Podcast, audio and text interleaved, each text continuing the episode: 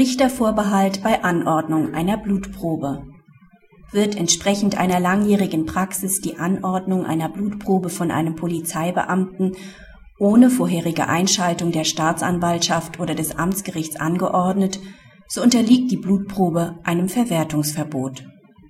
Dem Beschuldigten wurde nach einem Verkehrsunfall eine Blutprobe entnommen. Sie ergab einen BAK-Wert von 2,6 Promille. Das Amtsgericht verurteilte den Angeklagten wegen Vollrausches zu einer Geldstrafe und entzog ihm gleichzeitig die Fahrerlaubnis. Auf die Revision des Angeklagten hob das Oberlandesgericht das angefochtene Urteil auf. Das Oberlandesgericht verweist darauf, dass die Blutprobe unter Verstoß gegen den Richtervorbehalt des Paragraphen 81a Absatz 2 StPU erfolgt ist. Gefahr im Verzug hat nicht vorgelegen. Der Sachverhalt ist derartig einfach gewesen, dass auch eine richterliche Anordnung auf telefonischem Wege einholbar gewesen wäre. Das Oberlandesgericht weist ausdrücklich darauf hin, dass nicht jede richterliche Anordnung zwingend erst nach Aktenvorlage erfolgen kann. Auch das Argument, dass durch den Abbau des Alkohols möglicherweise die entsprechenden Grenzwerte unterschritten werden könnten, ist nicht zwingend, da man zur Vermeidung von Zeitverzögerungen zweistufig vorgehen kann.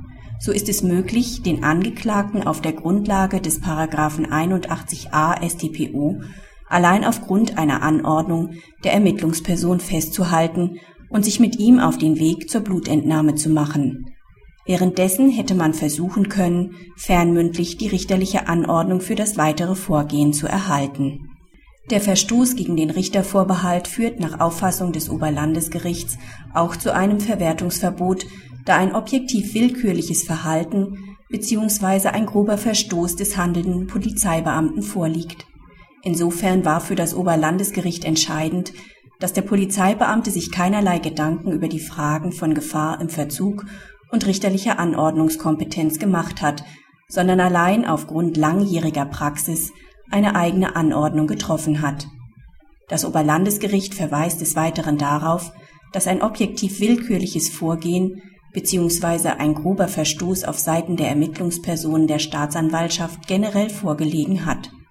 Seitens der Staatsanwaltschaft wurde der Bedeutung des Richtervorbehalts auch auf der Ebene der Polizeibeamten vor Ort nicht ausreichend Rechnung getragen.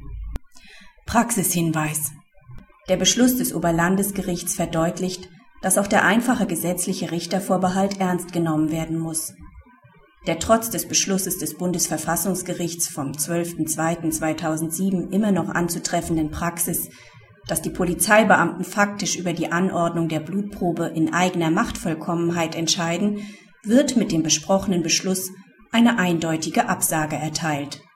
Begrüßenswert ist auch, dass das Oberlandesgericht die Verantwortung der Staatsanwaltschaft hervorhebt.